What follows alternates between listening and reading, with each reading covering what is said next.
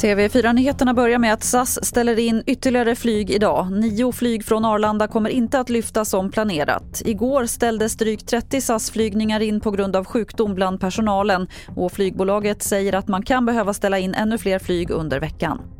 Det är brist på snabbtester för covid på flera håll i landet. En rundringning som TT gjort bland de stora apotekskedjorna visar att flera har få eller inga tester kvar.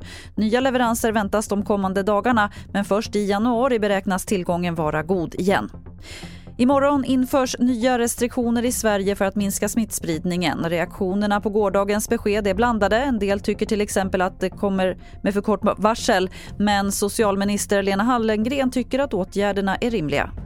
Tittar man i vår omvärld, tittar man på våra nära grannländer så, så tar de ju på ett annat sätt och vi tar andra åtgärder och det är naturligtvis hela tiden upp till varje land att försöka relatera det till den smittspridning man har. Men Sverige har ju haft ett gott utgångsläge skulle jag säga sen, sen maj har vi haft en väldigt låg smittspridning och det är tråkigt att vi är där vi är men, men eh, vi vidtar de åtgärder som vi bedömer är nödvändiga.